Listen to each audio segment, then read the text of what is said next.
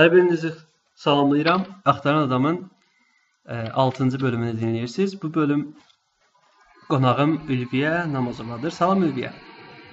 Salam, xoş gördük. E, necəsən, nətərsən? Yaxşıyam, çox sağ ol. Sən necəsən? E, çox sağ ol, yaxşı olasan. Deməli, Ülviyəni adını çəkəndə ilk ağlıma gələn mənim şahmat olur. Çünki onu bizim şahmatçımız kimi tanımışıq. e, ona görə də istədim bu gün Ülviyə ilə şahmat haqqında danışam. E, Ülviyə, elə şahmat demişkən, birinci elə ən standart sual, şahmat deyəndə ağlına nə gəlir? Şahmat deyəndə ağlıma nə bilim valla o qədər şey gəlir ki. İlk növbədə hmm, çox belə düşündürücü bir oyundur da, yəni mənim üçün. Başqa qeyri bir adi bir şey gəlmir. e, mən mən belə deyim, mən şahmat deyəndə ağlıma o e, detski mat var ya, e, fillə, vəzirlə çıxardıb Hə, hə, hə. o ağlıma gəlir. Çünki e, ha, kimlə oynayıramsa birinci onu yoxlayıram görüm zəifdir yoxsa yox. Hətta bir qrup yoldaşım var. E, bunu eşidirsə tişləmişsə qulaqları çınlasın. E, bir gündə 7-8 dəfə detski matla onu udmuşam. Əsəbləşir, ürəyi partlayır. Bir dəfə atı çıxartmır ki qabağa. Qutarsın da mən gedəm. Hə, canlı sayırsın. Nəysə, e, Ülviyə, e, ha vaxtdan başlamısan şahmat oynamağa? Yəni necə başladın? Ha vaxtdan oldu? Nətər hekayən necədir? Danışım da. Deməli, ə, mən 6 yaşımdan başlamışam. Ə, anam deməli şahmat müəlliməsidir. O uşaqlarla məşğul olanda, deməli mən də otururdum, baxırdım. Yəni mənə öyrədən olmayıb, ancaq özüm görüb götürmüşəm də, belə deyim.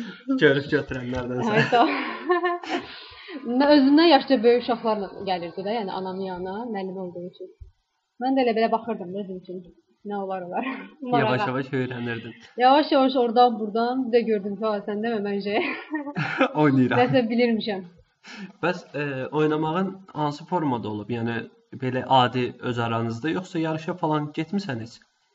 Hə, deməli gördüm ki, artıq nəsə bir bilirəm, bacarıram. Sonra deməli anam mənə gördü ki, həvəsim də var. Heç nə, qoşdu məni yarışlara. Mən də Aha. getdim. İndi Yavaş e, yavaş. özün təriflə də başda nə medallarında qələbələr. Yarışlar belədir ki, hər bir, yəni bəlkə də bizi izləyənlərdən şahmatçı olanlar da var, təbii ki. Din, Başı- din, dinləyənlərdən, Bəli, bəli, Skype-dan məni dinləyənlər- görürsən. Eee, dinləyənlərdən də, yəni. Oha. Deməli deyim. elə araya düşmüşkən deyim ki, bu ilk e, Skype üzərindən apardığımız səs yazmalı bölümdür. Çox Yəni- gözləmə də ilkləri sevirəm. Ə, əgər əgər əziz dinləyicilər, əgər bunu dinləyirsinizsə, deməli artıq Skype üzərindən də belə səs yazma eləyə bilərik. Və yəni sizi də qonağımız kimi dəvət edirik. İstəyən olsa istədiyiniz mövzunu bildirməklə gün təyin edib veriliş apara bilərik. Hə Ülviyə, e, sən medallarından danış. Hə, sonra dərəcə yarışlarına getdim. İlk növbədə şahmatçı ə, dərəcə almalıdır ki, yüksək səviyyəyə çatsın da artıq. Ə, deməli, dərəcələr dərəcələr yarışı olur və hər bir şahmatçı da gedir dərəcəsini alır. Yəni zaman-zaman getdim 4-cü dərəcə, 3-cü dərəcə, 2, sonra 1-ci dərəcəni aldım. Ən güclü dərəcə də 1-ci dərəcədə, yəni təbii ki. Ondan yüksəyi də var artıq. Yəni master səviyyəsində. Ona hələ çatmamışam sizin. O beynəlxalq yarışlara qatılanlar üçün Aha, bəli, bəli. O çünki biraz alınmadı davam etdirmək şahmatın ona görə. E, təhsilə görə. Bəli, təhsilə görə, yəni 9-cu sinifdən demək olar ki, şahmat tərk etdim. E, tərk etdim deyəndə ki, artıq çox risk risk, ancaq məktəblər arası yarışa falan gedirdim də, yəni Aha. ona o cəhətdən. Və hal-hazırda şahmat şahmatda hansı mövqeyidəsən? Yəni oynayansan, öyrədənsən, yoxsa ümumiyyətlə kənarda qalmısan? Hə, indi hal-hazırda deməli müəllim kimi fəaliyyət göstərirəm, belə deyək. E, tə- tələbələrim var. İndi azdan çoxdan öyrədirik. E, yarışlara çıxardırıq. Gələcək nəsil üçün çalışırıq. Çalışırıq. E, bəs onda belə deyim. Öyrədirsənsə əgər e, sən artıq taktikalarını falan, metodlarını bilərsən. E, a, a, ən aşağı hansı az yaşlı uşağa başlamaq lazımdır şahmatı öyrətməyə? Yəni hansı yaşdan nəzərə alaq ki, başlasın? 5 yaşından mı öyrətməyə başlayaq, 12 yaşından mı öyrətməyə başlayaq? Yəni daha çox hansı yaşdan üstünlük verirsiniz? Yəni neçənci Daha siniflər yaşlı, öyrədirsiniz? hə. Sinif deməzdim. Yəni ən Yaxşı yaş 5-6 yaş. deyərdim 5-6 ki. yaş. Yaxşıdır çünki uşağın ilk belə götürmə qabiliyyəti elə o yaşlardan olur ona görə. Yəni yaxşı götürürlər yoxsa biraz çətinlik çəkirsiniz öyrədəndə? Yox, daha yaxşı götürürlər. 5-6 Tamam. yaş. 5-6 Ee, yaş arası. Tamam. Onda ən kritik sual gəlir. 5-6 yaşlı bir uşağa şahmatı necə sevdirə bilərik? 5-6 yaşlı uşağına görə çətin sual oldu. Elə uşaqlar var ki, valla özləri da fiqurlara baxırlar, ata, nə bilim, topa. Görürlər ki, nəsə maraqlı bir şeydir, deməli həvəs yaranır. Elə uşaqlar da var ki, məcburiyyət qarşısında valideynlər gətirir. Onları özü artıq o qədər də yüksək uğur əldə etmək olmur da, yəni onlarda. Amma- yəni şahmatın əsas meyarı nədir? Həvəs olsun. Bir də səbr olsun. Bu ikisi oldusa, sən Yəni artıq- onda belə çıxır ki, biz uşaqlara həvəs yaratmaq üçün ə, uşaqların yanında məsəl üçün özümüz şahmat oynamalıyıq ki, onlar görsünlər ki, belə bir oyun növü var. Belə bir şey Var. var. Və Yəni, onları həvəsləndirməliyik. Ən əsas necə həvəslənirlər? O medallar var elə. Birinci. Bunları görəndən sonra daha da həvəslənirlər. Yəni mən uşaqlar gəlib baxırlar, evdə atmışam vaxt belə. O başından. yox, dərəcə yox, medalım var. medallar. Onu atmışam divarın lap belə başından. Gələn gedən görür, həvəsə gəlirlər. "Aa, bu nə medaldır" falan. Ə, divarda asmışam dedim, bir sən yadıma düşdü. Ə, Divarda saat asırlar.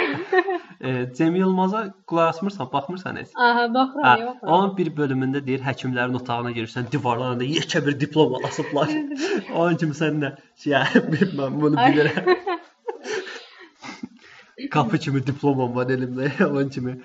Ə, onu da belə eləyə bilərik də, yəni ən son uşaqları həvəsləndirmək üçün həm özlərinin yanında oynamalıyıq. Yəni siz necə birdən-birə hə get gəl şahmat. Get gəl sənə şahmat öyrədim. Hə, yəni uşağa məsəl üçün danışmağı da birdən öyrətmirik ki, gəl sənə danışmaq öyrədim. Yəni biz danışırıq, o o eşidir, yəni o görür. Yəni biz bir şey eləyirik, o görür.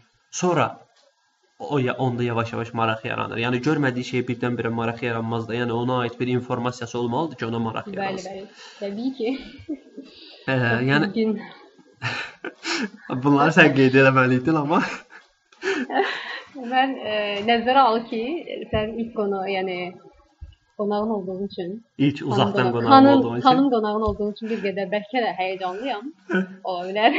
ola bilər. Yəni bizim ilk uzaqdan qonağımızdır. Digər qonaqlarım yanımda olur. Bir əllə sağ işarə edirəm ki, Ay, sağ ol. sən sırandır, mən sıram. Ən azından himcimlə başa sala bilərsən. Görə. Sky buradan Skype-ın görüntüsü o qədər qəşəngdir ki, mən ancaq şey pərdənin ağ işığını görürəm.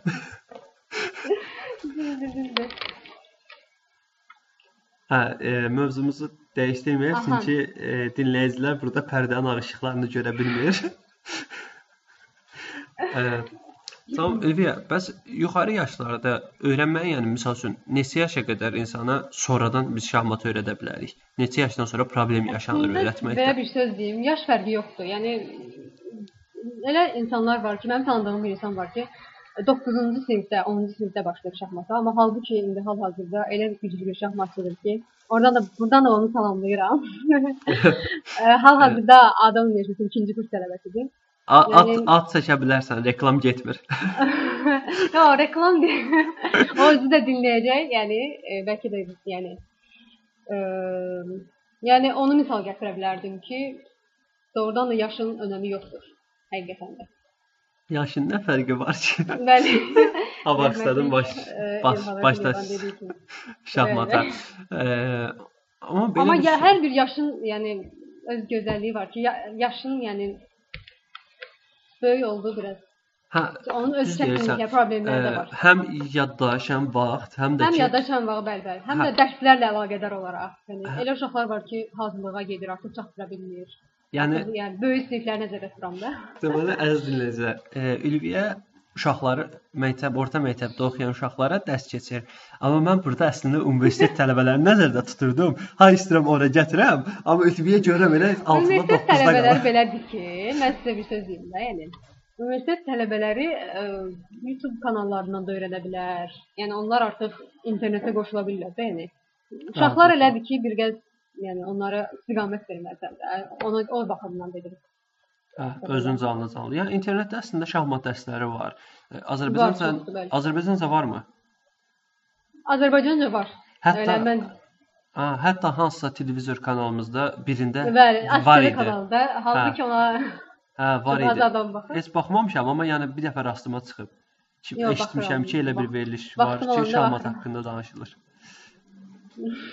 yəni əslində var, öyrənə bilərlər əgər öyrənmək istəsələr. E, yaxşı, onda belə deyim. Bəs bu şahmatı öyrənməyin onlara nə xeyir olacaq? Şahmat öyrənməyin mənim üçün çox böyük üstünlükləri olub, özümdən nümunə götürə bilərəm. Ə, ilk növbədə şahmat elə bir şeydir ki, inanırsınız, yəni hara getsən, sən desən ki, mən şahmat oynamağı bacaram, sənin hörmətin 1-ə qat art, 1-ə 5 artır da, yəni ilk növbədə.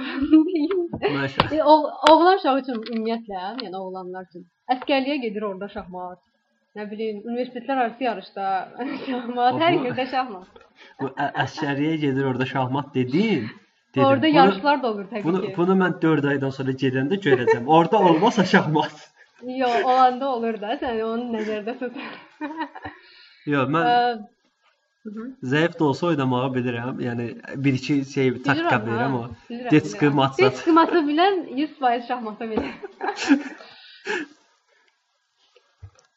Hə, Hə, ilk sonra ə, deməli məntiqi təfəkkürdür. Yəni özün də bilirsən ki, magistr imtahan verən bir insan olaraq məntiqi inkişaf elətdirir.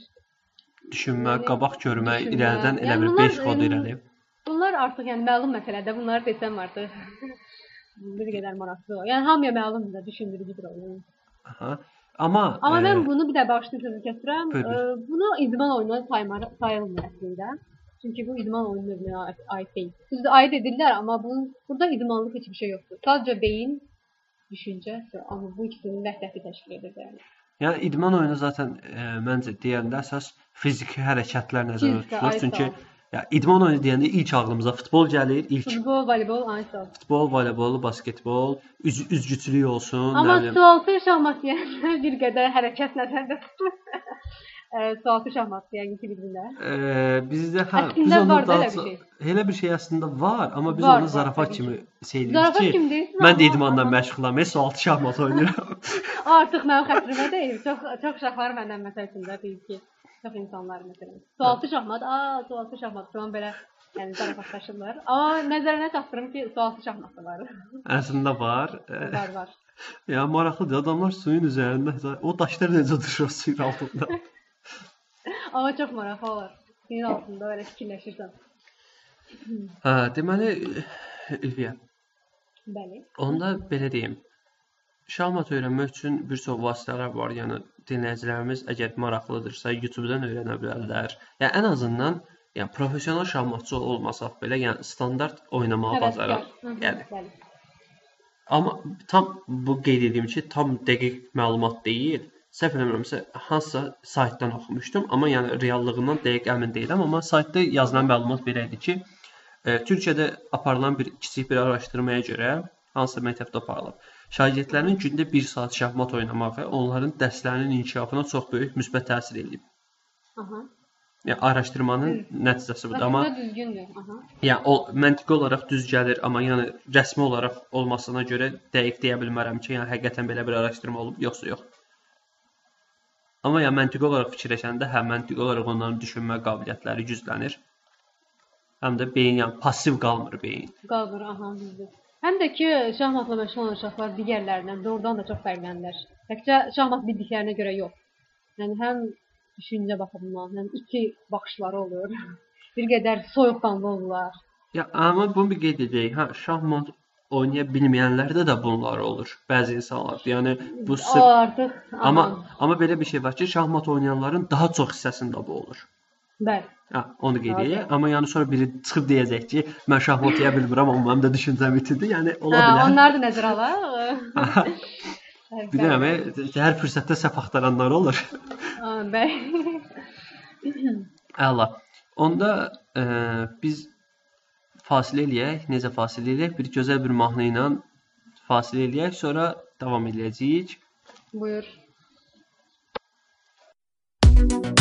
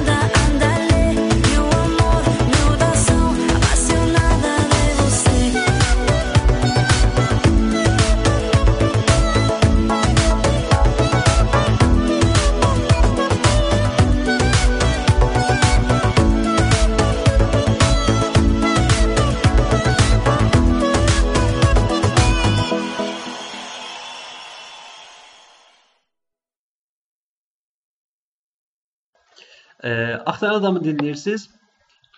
Bugünkü qonağımız Ülviyə Namazovadır. Şahmat haqqında danışırıq Ülviyə ilə bərabər. Axtaran adamı indi bilmirəm hal-hazırda hansı platforma üzərindən dinləyirsiniz, amma Mixcloud-dan, YouTube-dan, iTunes üzərindən və ya hər hansı bir telefondakı podkast proqramından axtarıb tapıb dinləyə bilərsiniz. Aşağıda da geniş izahat hissəsi var. Bölüm haqqında yazmışam ki, bölümdə nələrdən danışırıq və bölümdə hansı musiqilərdən istifadə edirik. Musiqilərin adlarını orada görə bilərsiniz. Sadəcə qeyd edirəm ki, YouTube-da müəllif hüquqlarına görə YouTube-dakı yerləşdirdiyimiz videolarda, bölüm videolarında mahnıları silib yerləşdirdik. Ha, Ülviyə, e, Şamat haqqında danışanda mənim ağlıma bir sən də gəldi ilk. İlk deməyək, 3-cü, 5-ci. e, bu yaxınlarda yarış oldumu, olacaqmı? Dəqiq bilmirəm. Bakı şahmat turnir, olimpiyada nəsə olmalı idi. Hə, Respublikamızda bəlkə keçiriləcək şahmat ə, deməli olimpiyadası. O o ha vaxt keçiriləcək? Sizin necə bir şahmatçı olaraq deyil bilmirəm. Məni çağırmışlar elə bir ə, iclas kimi, yəni. Adı toplantıya, yəni amma getməmişdim çox böyük. Bakı çes gedir onadır. Hava olacaq təxmini. Elə bir şey olmuşdu. Ya ya inşallah yayda olar da yəqin ki. Çünki adətən belə o- ya, ya oyunlar ya, yayda olur. Aha, çünki qeyd edeyim ki, bizim bu səs yazmamızı dostlarımız e, aprel ayının 3-ü dinləyəcək. Aha. bir ay sonra Bir ay sonra bizi bütün dünya dinləyəcək. Əslində bir ay bundan əvvəl yazırdıq bunu. Yox, əvvəlki bölümlərdə qeyd elədim. O qədər sürətliyəm ki, 2 günə bir bölüm yazıram. Hətta elə vaxt o ki, hər gün bir bölüm yazıram. Maşallah. Amma amma sadəcə həftədə bir bölüm yayınlamaq olur. Çünki yığıram çoxlu bölümlər ki, əsgərlikdə olanda da paylaşılsın. Ah, başlaşdım. e, yox, tapa bilmədim. İnternetdə baxdım, tapa bilmədim. E, tamam, e, Bakı 2010 15 da, yoxsa 2016-dır? 16 deyil. üzr. 2016. Yo, 15-dir. 2016. Bakı World Nə, Cup şimdi World o oldu. Cup Orada ben getdim baxdım hətta. 2015 oldu. Oldu, oldu heç. Oldu, oldu 2015 idi. 2016-da olacaq təzədən. nə? Hə, e, deməli səhifənin Facebookda adı 2015-dir. E, link olaraq adı 2015-dir. Öz adı 2016-dır. Ha, Linki çaşdırıcı olaraq 2015-də, oldu. adı 2016-dır.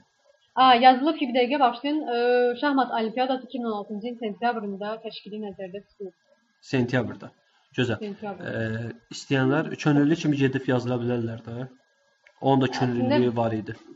Qutarıbsa Yox, bilmirəm. könüllü- Könüllü, məsələn, həvəskarlar gəlib oynaya bilməz. Təbii ki. Yox, oynamaq Çünki o- mənasında demədim.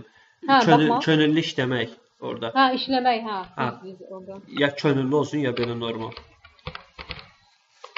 Vaxtı dəqiq bilmirəm. Tamam. E, başqa hansı layihələr var? Sən dedin ki, hansısa bir layihən var, sırf e, Şamat haqqında Ada Universitetində etmək istədiyin. Aha. Ondan- yox, Adam Universitetində yox.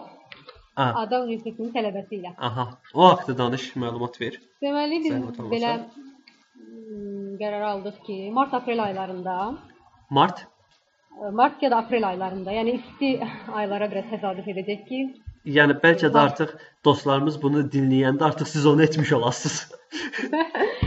olsun aprelin axırları ya da martın axırları. Yəni ən azından mart apreldə şeymiş olsun. Aha. Deməli, e, şəhər əhalisi arasında yarış keçirmək fikrimiz var. Yəni könüllü olaraq kimsə qoşula bilər. Kimsə Yəni deyəndə ki, hər adam istəyib qoşula bilər. yəni əgər gec deyilsə, çünki dinləyicilər bunu aprelin 3-ü dinləyəcək. Əgər gec deyilsə, qoşulmaq istəyənlər üçün necə məlumat əldə edə bilərlər? Hardan Çox məlumat gec əldə edə bilərlər? Aprelin içi dinləyəcəklərsə, biz də hardasa planlaşdırırıq aprel, aprelin ə, a- axırı, ortaları və yəni ki, belə günlərdə. Məncə gec olmayacaq. Yəni yox, o, o mənada demədim. Siz məlumatlardan paylaşacaqsınız ki, dinləyən, qatılmaq istəyənlər olsa onlara, Ha, elə. yəni Ə, link verək, Yəqin o ki- linkdən girib məlumat əldə eləsinlər. mən o vaxta qədər sənə ə, yəni məlumatlarını o- çatdıraram. ha, olar. Çünki Yəqin ki, təbliğat da olacaq. Aha, bunu aprelin 3-ü paylaşacağam. Əgər o vaxta qədər artıq layihə, yəni reklamı ən azından məlumat yayımı o vaxta paylaşsa, aha. Bu videonun altına o Yəni burada- əlavə edərəm.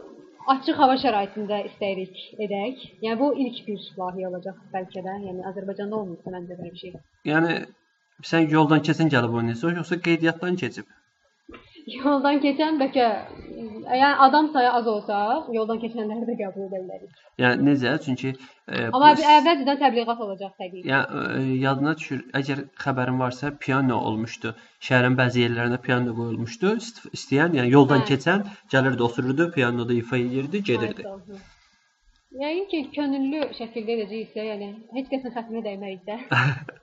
Kim istəsə, Yəni- onlar da qoşa bilər. Yolumun üstünə düşsə gəlib bir əl uduzub gedərəm, yəni. Bəlkə kimsə qıraqdan yoldan keçir, həvəsə gəldi. A, bəlkə mən də özüm üçün Aha, belə bir şeylər. e, o oynamaq turnirinin yanında e, öyrədicisi də nəsə eləyə bilərsinizmi ki, sırf öyrənənlər də gəlir, öyrənmək üçün də olan da gəlsin. Yəni necə deyim? Tutaq ki, yekə bir açıq alanda gö yer götürmüsüz, icazə almısınız, orada yarış keçirilir. Sırf da yəni Əbdülqədir gəlir oturur, Müzəffərlə oynayır, sonra oyun qurtarır, durur çıxır gedir, hər öz işinə, filan kəs gəlir oturur oynayır. Yəni əsas odur şahmat var, oynamağa yer var və ətrafda hamı şahmat oynayır. Bir də kənarda da şahmat oynamağı bacarmayanlar. Yəni şahmat oynamağı öyrənmək istəyənlər ki, standart bir kiçik bir şey ki, məsəl üçün lövhədə rahat bir şəkildə öyrədici bir şey düzəldə bilərsinizmi? Eləmək fikriniz varmı? Planınız varmı? Hə, xüsusi şahmat lövhələri də qoya bilərik ki, məsələn, ə, artıq stol üzərində yox, yəni lövhə olur, şahmat lövhələri.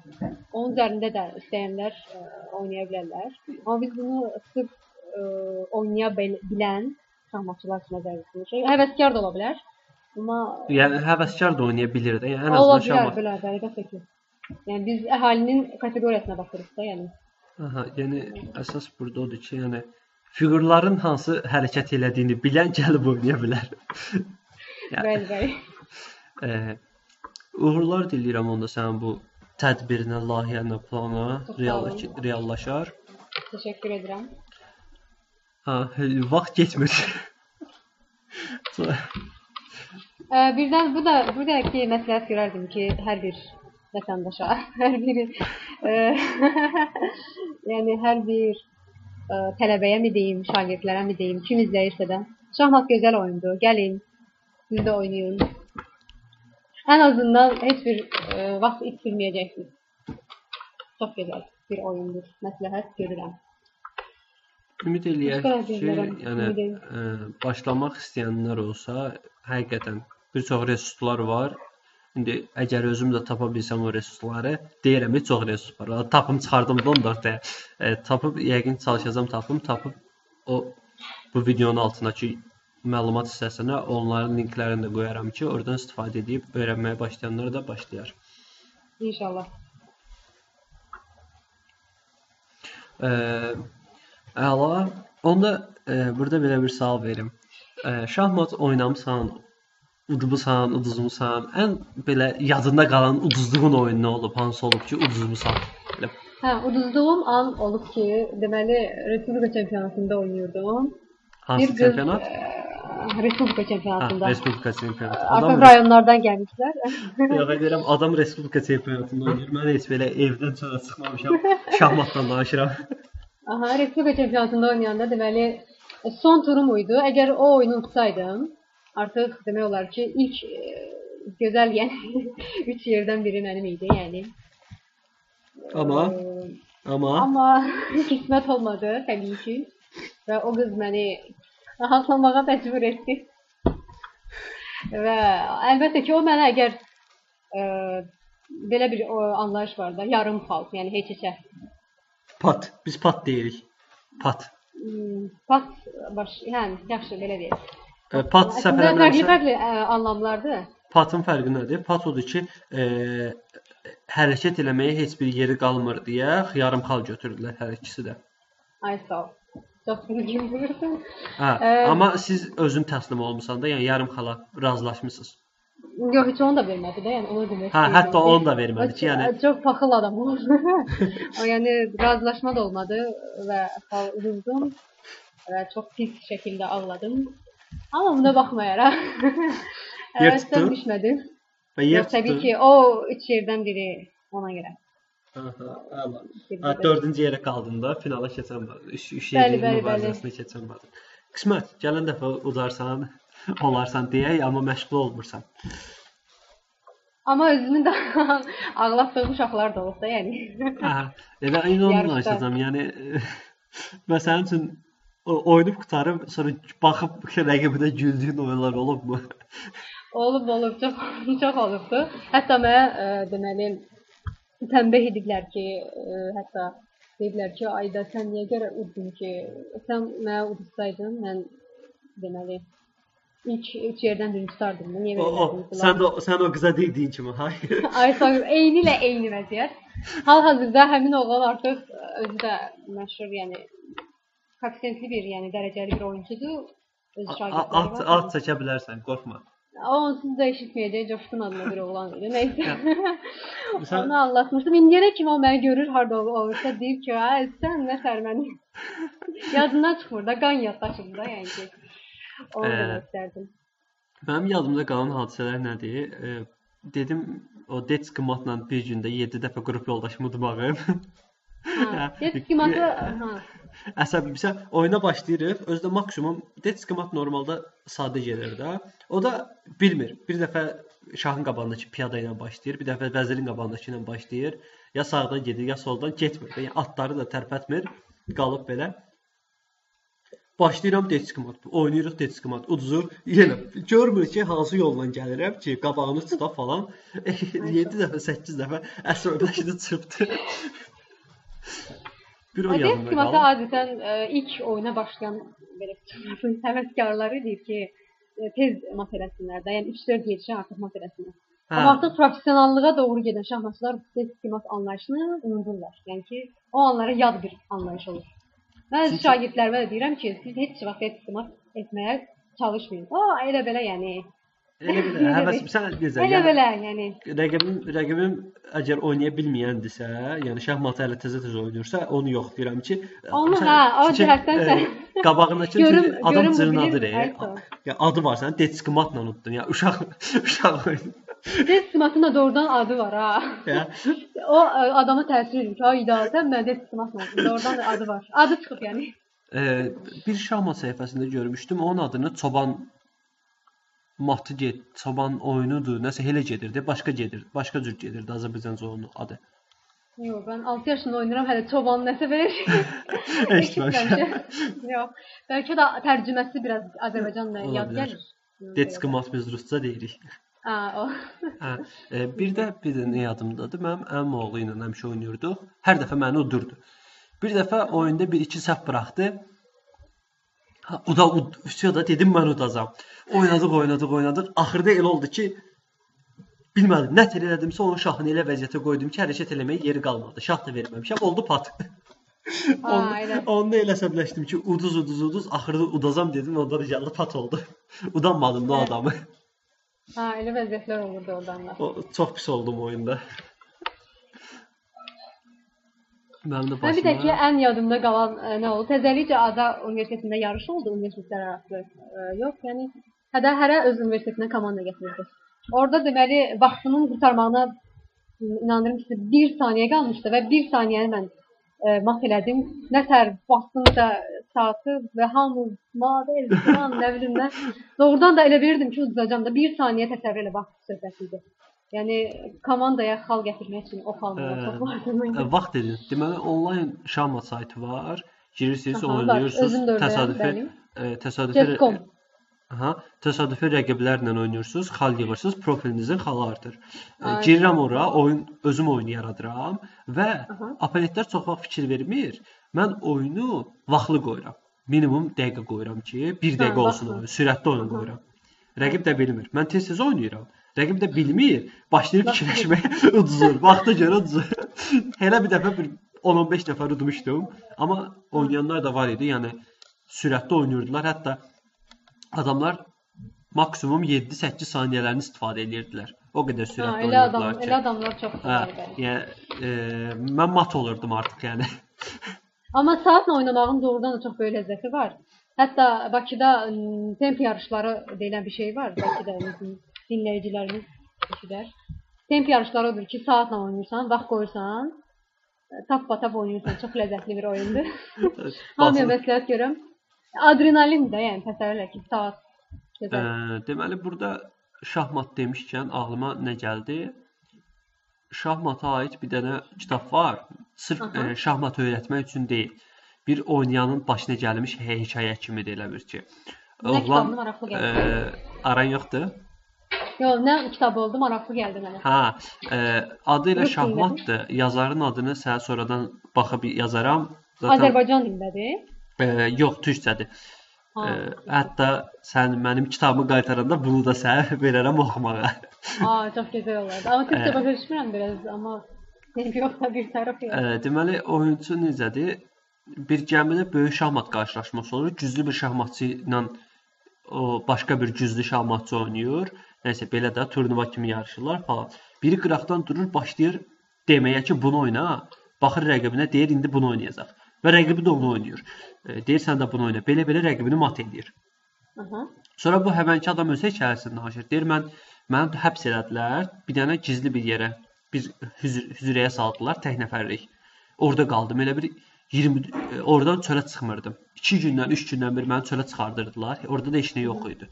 E, sadəcə yemək verirdilər və bir boş kravat, şey, başqa heç nə yoxdur. Bir də çöldən pəncərədən, balaca pəncərədən işıq gəlirdi. O da çox hündürdə idi. Hə, deyir 2 gündən, 3 gündən bir sorğuya aparırdılar. Otaqda 2 saat, 3 saat gözlədirdilər.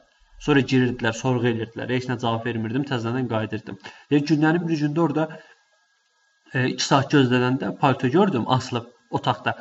Həmənki sorğu otağında. O paltonun cibində gördüm nəsə var. Əlimə atdım onu götürdüm, tez saldım köynəyimin altına gizlincə. Getdim otağıma gedəndən sonra gördüm ki, Şahmat kitabıdır. Yəni Aha. zaten mənim üçün orada nə çıxsa qənimət idi deyir. Başladım kitabda şey idi, məşhurların oyunlarının şeyi ki, hansı kim necə gediş eləyib oynayıb da məşhur oyunlar, ana- ana. əsas oyunlar. E, Deyir başladım çörək qırıntılarından falan şahmat düzəltdim. Ayda. Yəni adamın orada deyir də səhv eləmirəmsə 2 ilmi, 3 ilmi türmədə yatıb yəni. Aha. O qədər geniş vaxt olub. Deyir bir kitabı bəlkə də 50 dəfə bütün oyunları oynadım. Artıq e, o şahmat oynayanların master magi- böyük oyunçular, yəni çoxu zaten birdən gedişlər eləyir də, falan kod oynayırlar deyək. Əvvəlcədən nə qədər fikirləşirəm. Yəni, yəni taktik, yəni belə deyim, taktik olaraq fikirləşirlər ki, falan taktika ilə gedəcəm. Ha, təbii ki, Hə, yəni o da deyir ən çox oynanılmış 100 oyunu əzbərləmişdim. Artıq yəni rəqib nə oynayırdısa təxmin taktikasından Ha. bilirdim ki, bunu oynayacaq. Maraqlı idi. Yəni amma adam şizofren idi, çox ruhi xəstə olmuşdu. Yəni Ona görə də heç məsləhət görmürəm. yox, 3 il sadəcə şahmatla məşğul olub, yəni türmədə qalıb, eləməyə başqa iş olmayıb. Ona görə. Amma çox Bir növ başın qatıb da amma. Hə, belə bir roman idi o adamın həyatı. Elə tam buna oxşar bir şeydi. 120-150 səhifəlik kiçik bir kitabdır. Müəllifin adını da qeyd eləyərəm videonun altına. Maraqlananlar oxuya bilər. E, Şahmat aid film bilirsən? Maraqlı film Şahmat aid. Şahmat ayət film sözünüzü baxmamışam. Hmm, yox. Bir e, yapay zəkaya aid bir filmdə Türkçədir onlar. Mən ancaq türkçə baxıram yəni. Hə, sən ona görə biraz mən yox. E, Biraz baxaq, nə bilim. Üzr üzrlü say rus dili bilmirəm. Yox, rus deyil. Lap ingiliscə olsa altından o yazılar olur. Ona baxıb ən azından biraz. Yəni ingiliscə ingiliscə baxdıqlarımda da türkçə alt yazı ilə baxıram. Və sözün düzünlüyə kimi yox, baxmamışam, nə yalan deyim. E, bir dənə yapay zəkaya aid film var. İndi də tam xatırlamadım filmin adını.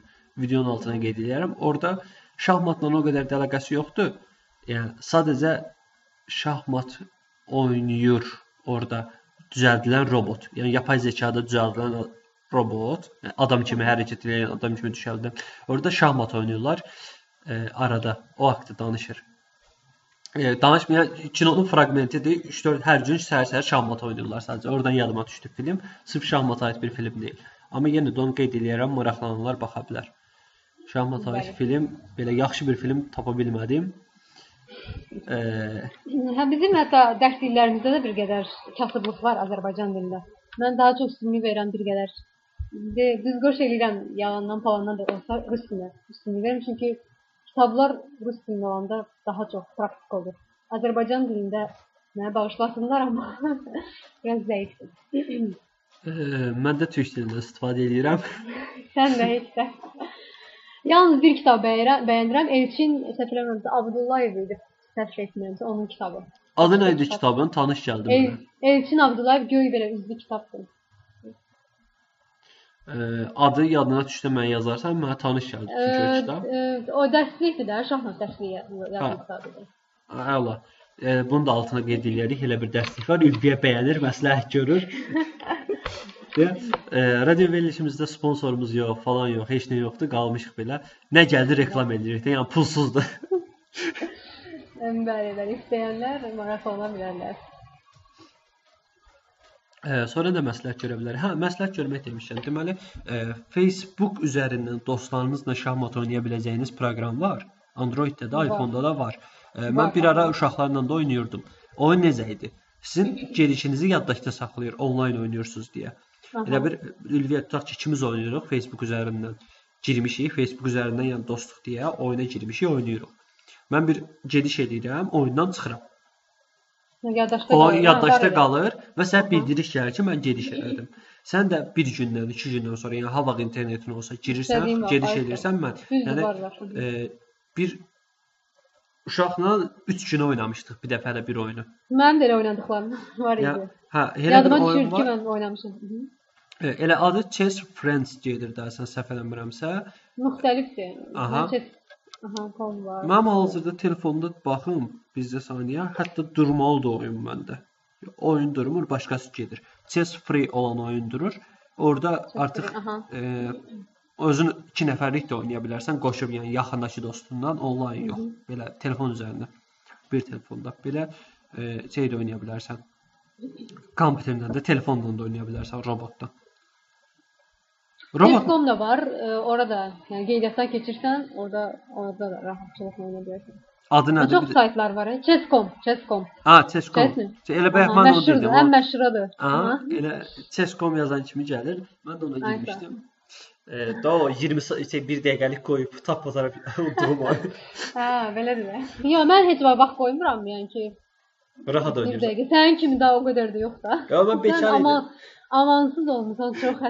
Ya, bekar idim. Girdim ki, biraz profil maxalıyım. Heç ondan sonra da girməmişəm. Elə bir dəfə onda girdim, sonra girmədim heç sayda. Əziyyətim ayıb oldu. O vaxt əziyyətlə 20 nəfər ötmüşdüm. Doğrudan. 20 dəqiqəm getmişdi. Ay səni. Hərəsinə bir dəqiqə. Əla. E, hardasa e, 40-42 dəqiqə oldu səs yazmamız mahnı ilə bərabər. Çünki dəqiq mahnı nə qədər olacağını baxmadım. Sonra da bir dənə mahnı əlavə eləyərik. Məsləhət gördüyün mahnı varmı? Qoymağa, yəni bura ortaya, axıra. Lirik mi olsun, danslanıq mı olsun? E, əgər istədiyin bir mahnı varsa yaza bilərsən, mənə yaz, adını tam yaz. Onu yerləşdirin burada. Dinləyicilər ona qulaq qoyaram. Yəni deyərəm sənə. Hə, Hətta hətta yox, yəni yazarsan e, verilişi qutarandan sonra, səs yazmamı bitirəndən sonra. E, Hətta belə deyim, səs yazmamız məncə qısa oldu. Hardasa 40 dəqiqə sırf səs yazmadır. 3 dənə də 5 dəqiqəlik mahnı atsaq 55 dəqiqə. Heç 1 saata çatmır. Elə əvvələ də bir dənə mahnı atarıq. 3 dənə mahnı göndər. Nəzərə aldım. E, Göndərərəm. e, belə əziz dinləyicilər, Askefm üzərindən bizə e, suallarınızı yönləndirə bilərsiniz. Hər bölümdə deyirəm. Sırf e, şahmata aid suallarınız olsa, o sualları bizə yönləndirirsiniz. Belə deyim, siz bunu dinləyəndə artıq mənim təxminən 3 ayım qalmış olacaq. 3 ay ərzində yönləndirsəz, mən o sualları Ülviyə yönləndirərəm, Ülviyə cavablandırar. Sadəcə yazdığınız sualın altına ya sırf hansı mövzu ilə əlaqəli olduğunu qeyd edin, ya da hansı qonağa yönləndirdiyinizi qeyd edin ki, mən ona yönləndirim sualı cavablandırsın və cavabınızı verim. Askefm hesabımızda axtaran adam. Ülviyə də suallarınız olsa, şahmata aid suallarınız təbii ki, başqa növ suallar qəbul eləmirik Ülviyəyə. E, şahmata aid suallarınız olsa yönləndirə bilərsiniz. Yaza bilərsiniz. Ülviyə tərəfindən cavablandırılmasına çalışacaq. Yox, əgər bu səs yazmanı siz iyuldan sonra dinləyirsinizsə, bircə il səbr edin, əsgərlikdən gəlim, görüm Ülviyəni tapa bilirəmsə tapım, yönləndirim, cavablasın. Bizi Facebook üzərindən izləyə bilərsiniz. Mixcloud var, YouTube-dakı playlistimiz var. Hamısı axtaran adamdır. E, iTunes üzərindən abunə ola bilərsiniz. Sonra istədiyiniz bir telefonda podkast proqramı yükləyib orada abunə ola bilərsiniz rahatlıqla. E, Podkast proqramlarının üstünlüyü budur ki, yükləyib istədiyiniz vaxt dinləyə bilərsiniz. Mixcloud-da onlayn dinləyə bilərsiniz. YouTube-u da özünüz bilirsiniz də videolu şəkildə dinləyirsiniz. Sadəcə şəkil qalır, yəni. Və YouTube-un bir mənfi tərəfi də odur ki, e, e, mahnıları yerləşdirməmək məcburiyyətindəyəm. Mahnıları qoymayacağam YouTube bölümündə. Daha qısa olacaq əslində. Sizin üçün daha rahat ola bilər. E, əlavə edəcəyim bir şey var, e, şahmata aid. Əlavə edəcəyim nə deyim valla. Oynayın, oynadın. oyun oyun oynayanlara da həmişə deyərəm oyun çapardı. Oyun çaparsın. Elviyə mən adət eləmişəm ki, e, qonaqlarımıza son söz verməyim. Yəni özüm orada qalsın Özün ürək. özün sonluq verəsən hə. Hə, ürəyində orada qalır ki, "Ay, falan şeydə deyim, sağollaşım." Onu icazə vermirəm sağollaşsınlar. Məndə adətən bir xassiyyət var da. Yadıma sonradan düşür, sonra deyirəm, "Ay da, bunu mən niyə demədim?" İndi məndə eyni ilə elə olacaq. Aha. Yo, ümumiyyətlə e, mən qonaqlarımı sağollaşmağa icazə vermirəm. O sağ olun deməyinə icazə vermirəm da daha çox. E, Gələn görüşlərə. Hə, e, çünki bir onlarda artıq yaratmağa çalışıram ki, nə vaxtsa yenidən qonağım ol. Sağollaşmamısan, gözəl. getməmisən. Burdasan. Ümid versən ki, bir daha gələcəksən. Hə, ümid edirəm ki, ya Ülviyə bu da çıxdım və bir daha Ülviyanı tapmadıq. Yox, taparam, taparam. Görək. Onda Ülviyə belə deyim. Sənə təşəkkür edirəm. Buyurun, sizə təşəkkür edirəm. Dinləyicilərimizə artıq qeyd elədiyim geniş-geniş reklam, öz reklamımızı elədim. E, videonun altındakı və yaxud səsin altındakı o geniş məlumat hissəsində yəqin ki, artıq siz Ülviyanın layihəsi haqqında da e, burada məsləhət görəcəyimiz filmlər, kitablar, oyunlar, saytlar haqqında da məlumatı geniş əldə edə bilərsiniz. Ümid eləyək ki, şahmat oynamaq istəyənlər oynamaq üçün vəsait tap vəsait tapa bilərlər, öyrənmək istəyənlər vəsait taparlar. Oynayanlar da daha yaxşı oynayarlar, güclənərlər. Eee burada əslində sağollaşmalıyam, amma yadıma bir şey düşdü. Azərbaycanda şahmat həqiqətən inkişaf elə, eləyib məncə. Çünki dünya beynəlxalq yarışlarda yer tutan oyunçularımız olub. O haqqda? Olub. Kimləri tanıyırsan? Ha, tanımağına təbii ki, hamınız tanıyırsınız. Şəhriyar Məmmədiyarov, o heç. Ha, hamımız dedin, mən o qədər də geniş tanımıram. Təəssüf ki. Sonra deməli sən unutdun çox dəfə. Qızlardan da Türkan, Zeynəb Məmmədiyarova. O, yəni xanımlarda da oynayanlar var. Xanımlar bəli, təbii ki. Gözəl. Amma yəni mənim ən çox bildiyim o top 10-luqda hamısı bəydi. Teymur Rəcəbovdur, yəni hamımıza məlumdur. Yəni belə deyim, Vüqar var idi. Azərbaycanda da güclü şahmatçılar çıxırsa, bu deməkdir ki, yəni əslində çıxmasa belə, ya belə deyim, Azərbaycanda güclü şahmatçılar olmasaydı belə, siz nə zamansa istəsəz güclü şahmatçı ola bilərdiniz. Yəni bu ehtimal var ki, yəni istəsəz ola bilərdiniz. Amma Amma indi də əgər inkişaf elətdirsən bəlkə də olar, hər şey ola bilər. ha, yox, e, dinləyicilərə görə deyirdim, sən onsuz da güclü şahmatçımızsan bizim. Sağ olun. Ə, əgər yox, ə, Azərbaycanda güclü şahmat varsa artıq, yəni dünya üzərində tanınan şahmatçılar Aha. varsa artıq, deməli siz də niyə onlardan biri olmayasınız, əziz dinləyicilər? Əgər şahmat oynamağı sevirsinizsə, hobbidirsə, yəni ən azından şahmatı hobbi kimi yaradın özünüzdə. Əgər hobbinizdirsə, bunu artıq istəyə çevirin, daha böyük şeylərə çevirin. Amma bir şeyi unutmayın, yer üçün, ad üçün Oynamayın deməyəcəm, oynayın da. Yəni İlviyə kimi evdən divardan asmağa meydanınız olsun. yəni sonra Yo, ən müzəffər azından bir şey dediyim ki, təkcə ə, Azərbaycanda oynamırsan ki, gedirsən xaricə, nə bilim, komanda yarışları olur, gəzirsən dünyanı. Yəni çox şey ən var. Ən azından bəli. ən azından deyəndə bunun çoxu da var, yəni əslində demirik özümüz gizlədirik. Ay, yəni dünyanın gəzməkdən çoxu da var, yəni digər planetlərə Bəli. Ona görə gizlədirik ki, suallar ortaya çıxsın və biz o sualları qəşəng-qəşəng cavablandıraq. E, şahmat oynayın, şahmat oynadın, şərait yaradın ki, oynasınlar. Udun, uduzun. E, Uduzun, təslim olun, HCC-yə razı olun, pat olun, pat eləyin. Əsas odur ki, oynayın. e, Nə qədər istəyirsiniz oynayın. Nə qədər bacarsanız oynayın. Şahmatdan qalın. Yəni ən azından belə deyim, şahmat oynayanlara hədiyyə kimi şahmatın verilməsi. Necə baxırsan buna? Oo, çox gözəl, çox çox. Özüm özüm ə, hər hansı bir ə, deməli şahmatçı şahmat hədiyyə etmişəm, amma mənə hələ ki hədiyyə edən olmayıb. Buradan yəni.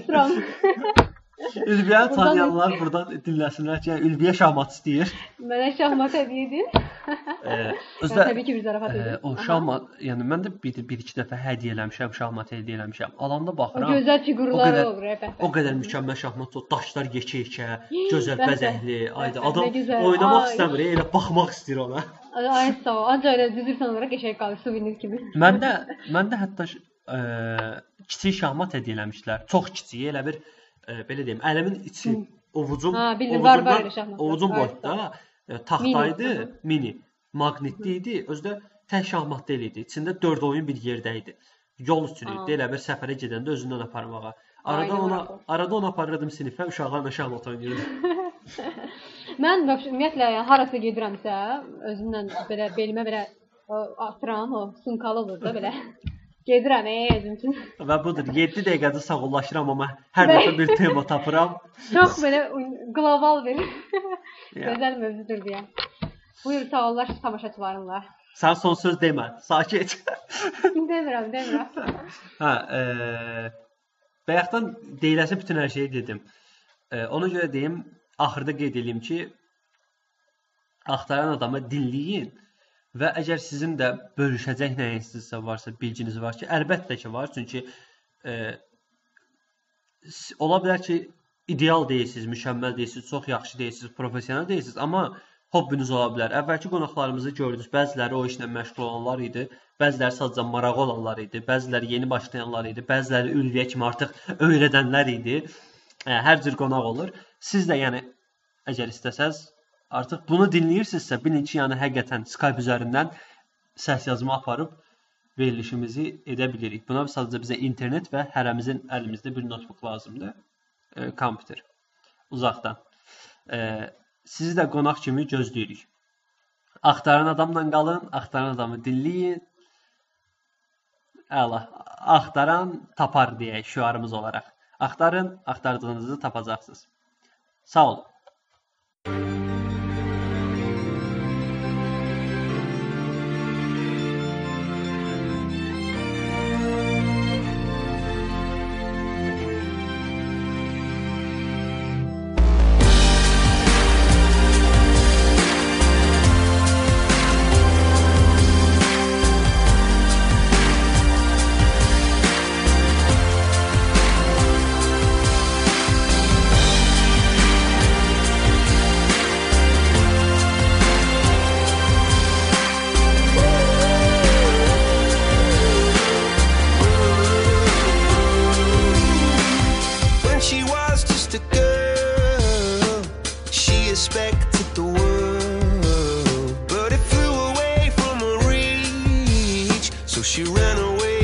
Sleep